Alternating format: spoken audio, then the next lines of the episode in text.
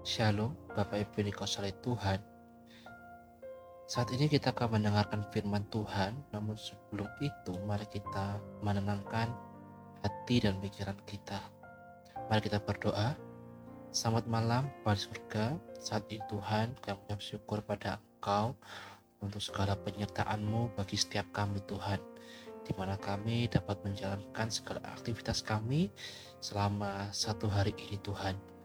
Kini tiba saatnya bagi kami untuk mendengarkan sedikit dari firman-Mu. Kiranya memberkati setiap kami, agar kami dapat mendengarkan firman-Mu dengan hikmat Tuhan. Terima kasih Tuhan. Di dalam nama Tuhan Yesus kami tak berdoa dan syukur pada Engkau. Amin. Renungan kita pada malam hari ini terambil dari Kisah Rasul pasal 7. Kisah para Rasul pasal 7 Kata imam besar, benarkah demikian? Jawab Stefanus.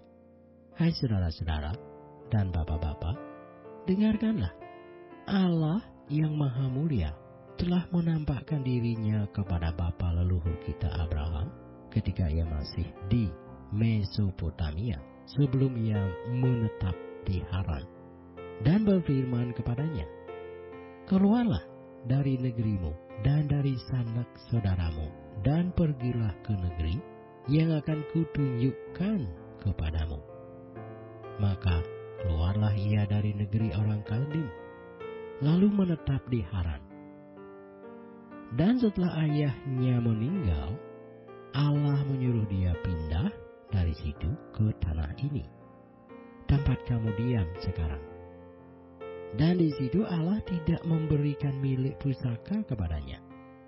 Bahkan setapak tanah pun tidak. Tetapi ia berjanji akan memberikan tanah itu kepadanya menjadi kepunyaannya dan kepunyaan keturunannya, walaupun pada waktu itu ia tidak mempunyai anak.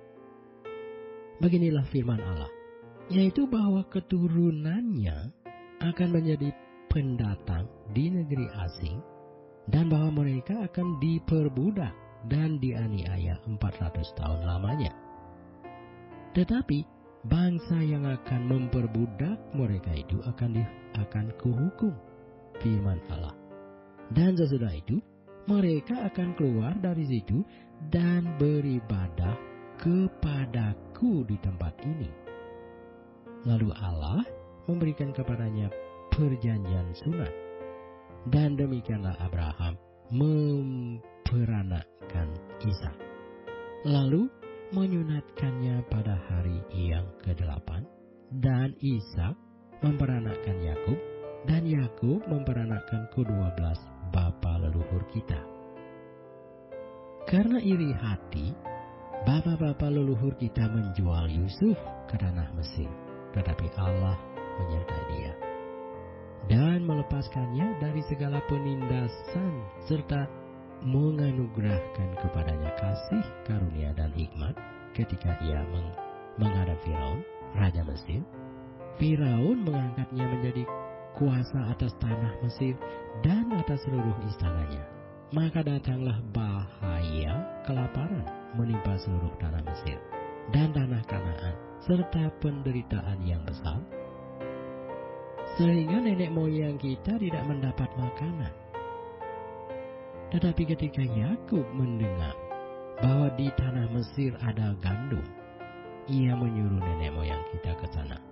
Itulah kunjungan mereka yang pertama. Pada kunjungan mereka yang kedua, Yusuf memperkenalkan dirinya kepada saudara-saudaranya. Lalu ketahuanlah asal usul Yusuf kepada Firaun. Kemudian Yusuf menyuruh menjemput Yakub ayahnya dan semua anak saudaranya 75 jiwa banyaknya. Lalu pergilah Yakub ke tanah Mesir. Di situ ia meninggal. Ia dan nenek moyang kita, mayat mereka dipindahkan ke Sikem dan diletakkan di dalam kuburan yang telah dibeli Abraham dengan sejumlah uang perak dari anak-anak Hemor di Sikem. Tetapi makin dekat genapnya janji yang diberikan Allah kepada Abraham, makin bertambah banyaklah bangsa itu di Mesir, sampai bangkit seorang raja lain memerintah tanah Mesir, seorang yang tidak mengenal Yusuf. Raja itu mempergunakan tipu daya terhadap bangsa kita dan menganiaya nenek moyang kita serta menyuruh membuang bayi mereka supaya bangsa kita itu jangan berkembang. Pada waktu itulah Musa lahir dan ia elok di mata Allah. Tiga bulan lamanya ia diasuh di rumah ayahnya. Lalu ia dibuang, tetapi putri Firaun memungutnya dan menyuruh mengasuhnya seperti anaknya sendiri.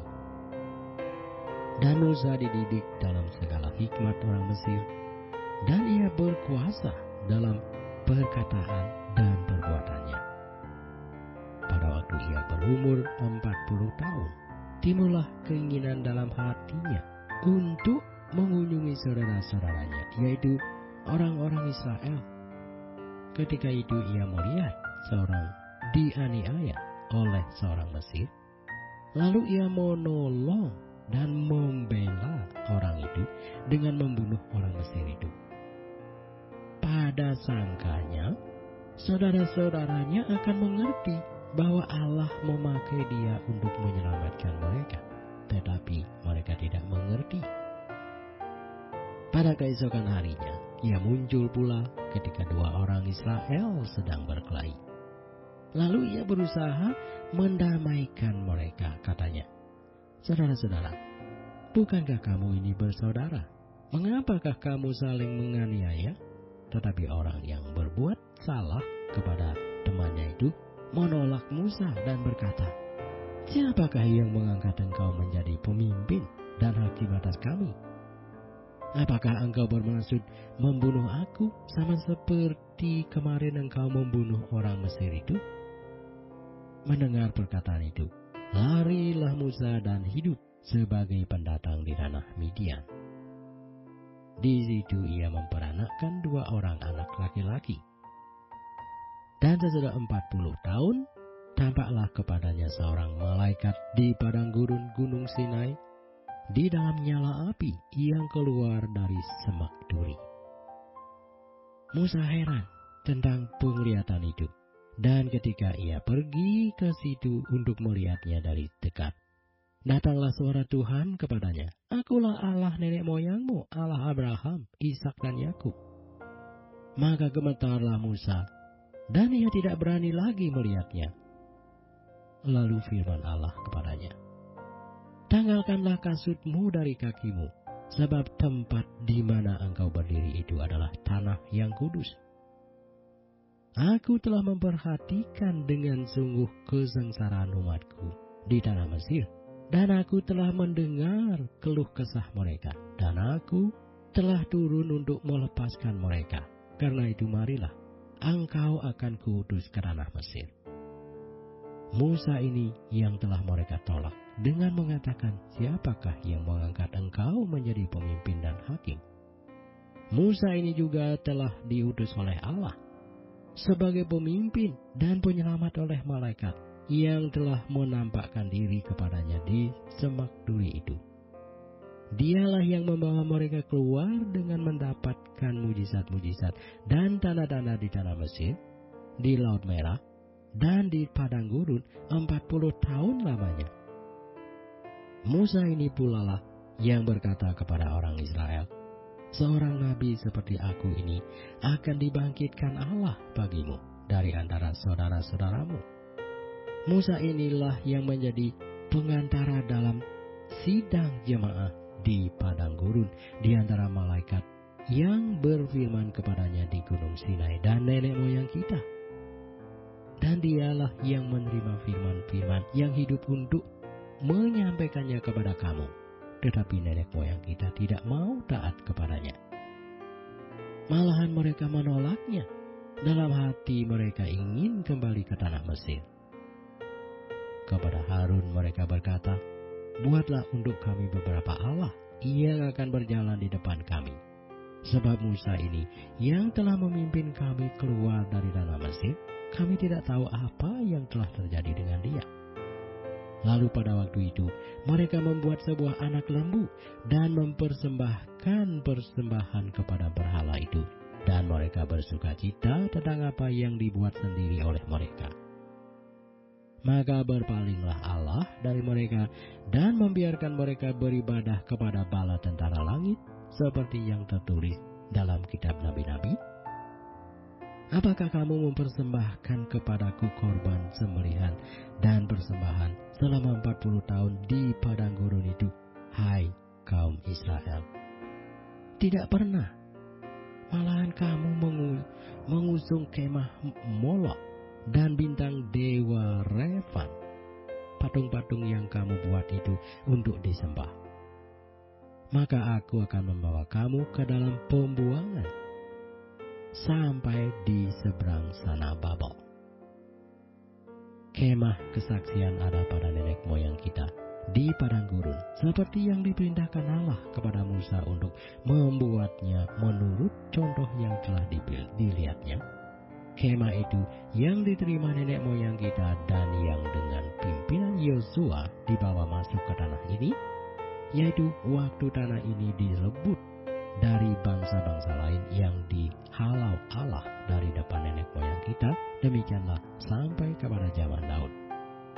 Daud telah mendapat kasih karunia di hadapan Allah dan ia memohon supaya ia diperkenankan untuk mendirikan suatu tempat kediaman bagi Allah Yakub. Tetapi Salomo lah yang mendirikan sebuah rumah untuk Allah. Tetapi yang Maha Tinggi tidak diam di dalam apa yang dibuat oleh tangan manusia. Seperti yang dikatakan oleh Nabi, langit adalah tahtaku dan bumi adalah tumpuan kakiku. Rumah apakah yang akan kamu dirikan bagiku? Demikianlah firman Tuhan. Tempat apakah yang akan menjadi perhentianku?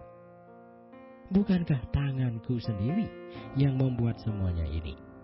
Hai orang-orang yang keras kepala dan yang tidak bersunat hati dan telinga. Kamu selalu menentang roh kudus. Sama seperti nenek moyangmu, demikian juga kamu.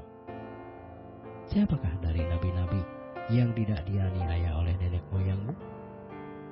Bahkan mereka membunuh orang-orang yang lebih dahulu memberitakan tentang ke datangan orang benar yang sekarang telah kamu hianati dan kamu bunuh. Kamu telah menerima hukum Taurat yang disampaikan oleh malaikat-malaikat, akan tetapi kamu tidak menurutinya. Ketika anggota-anggota mahkamah agama itu mendengar semuanya itu, sangat tertusuk hati mereka, maka mereka menyambutnya dengan gertakan gigi tetapi Stefanus yang penuh dengan roh kudus menatap ke langit, lalu melihat kemuliaan Allah dan Yesus berdiri di sebelah kanan Allah. Lalu katanya, Sungguh aku melihat langit terbuka dan anak manusia berdiri di sebelah kanan Allah. Maka berteriak-teriaklah mereka dan sambil menutup telinga serentak menyerbu dia mereka menyeret dia keluar kota, lalu melemparinya, dan saksi-saksi meletakkan jubah mereka di depan kaki seorang muda yang bernama Saulus. Sedang mereka melemparinya, Stefanus berdoa, katanya, "Ya Tuhan Yesus, terimalah rohku." Sambil berlutut, ia berseru dengan suara nyaring, "Tuhan, janganlah tanggungkan dosa ini kepada mereka." Dan dengan perkataan itu meninggallah ia. Apa yang dikasih oleh Tuhan, kita dapat melihat bahwa Stefanus membuka pidatonya dalam mengatakan, Kemuliaan Allah telah menampakkan diri kepada Bapa leluhur kita, Abraham. Demikian juga pidatonya diakhiri dengan mencatat bahwa ia melihat kemuliaan Allah dan Yesus berdiri di sebelah kanan Allah. Mata Stefanus telah dibukakan kepada kemuliaan Allah di dalam wajah Yesus Kristus. seperti yang dinyatakan di dalam Alkitab. Apa artinya membaca Alkitab dengan cara seperti itu? Sedemikian rupa sehingga kita dapat melihat kemuliaan Allah di dalam wajah Kristus. Kemudian kita dapat melihat hak-hak istimewa rohani tidak selalu sama dengan kepemilikan rohani. Seperti Israel yang di mana memiliki hak istimewa dalam banyak hal. Ketika mereka menganggap hal ini setara dengan kepemilikan khusus Allah, mereka menipu diri mereka sendiri. Sehingga Allah menghukum mereka dengan menyerahkan mereka kepada penyembahan berhala. Meskipun mereka memiliki firman Allah dan bentuk lahiriah penyembahan kepadanya, mereka tidak bersunat di dalam hati dan telinganya. Bagaimana dengan kita? Bukankah ini merupakan bahaya sehingga menggerakkan kita untuk berdoa bagi pekerjaan Allah di dalam setiap hati kita. Kiranya dari firman Tuhan pada malam hari ini kita diingat kembali bahwa kita harus lebih mendengarkan serta membaca firman yang telah Allah sediakan bagi setiap kita, supaya kita juga dapat melihat kemuliaan Kristus dalam setiap kehidupan kita. Mari kita berdoa. Selamat malam Tuhan surga. Saat ini Tuhan, kami telah mendengarkan sedikit dari firman-Mu. Kiranya dari renungan kami pada malam hari ini, kami dapat menjadi pengikut-Mu yang lebih setia untuk membaca firman-Mu Tuhan, untuk mendengarkan firman-Mu, agar kami dapat melihat setiap kemuliaan-Mu dalam kehidupan kami Tuhan. Terima kasih Tuhan. Dan sebentar lagi kami akan bersirahat. Kiranya Engkau yang menjaga istirahat malam kami ini, agar esok kami dapat bangun dengan tubuh dan semangat yang baru Tuhan. Terima kasih Tuhan. Di dalam nama Tuhan Yesus, kami telah berdoa. Ucap syukur pada Engkau. Selamat malam, selamat beristirahat. Tuhan Yesus memberkati.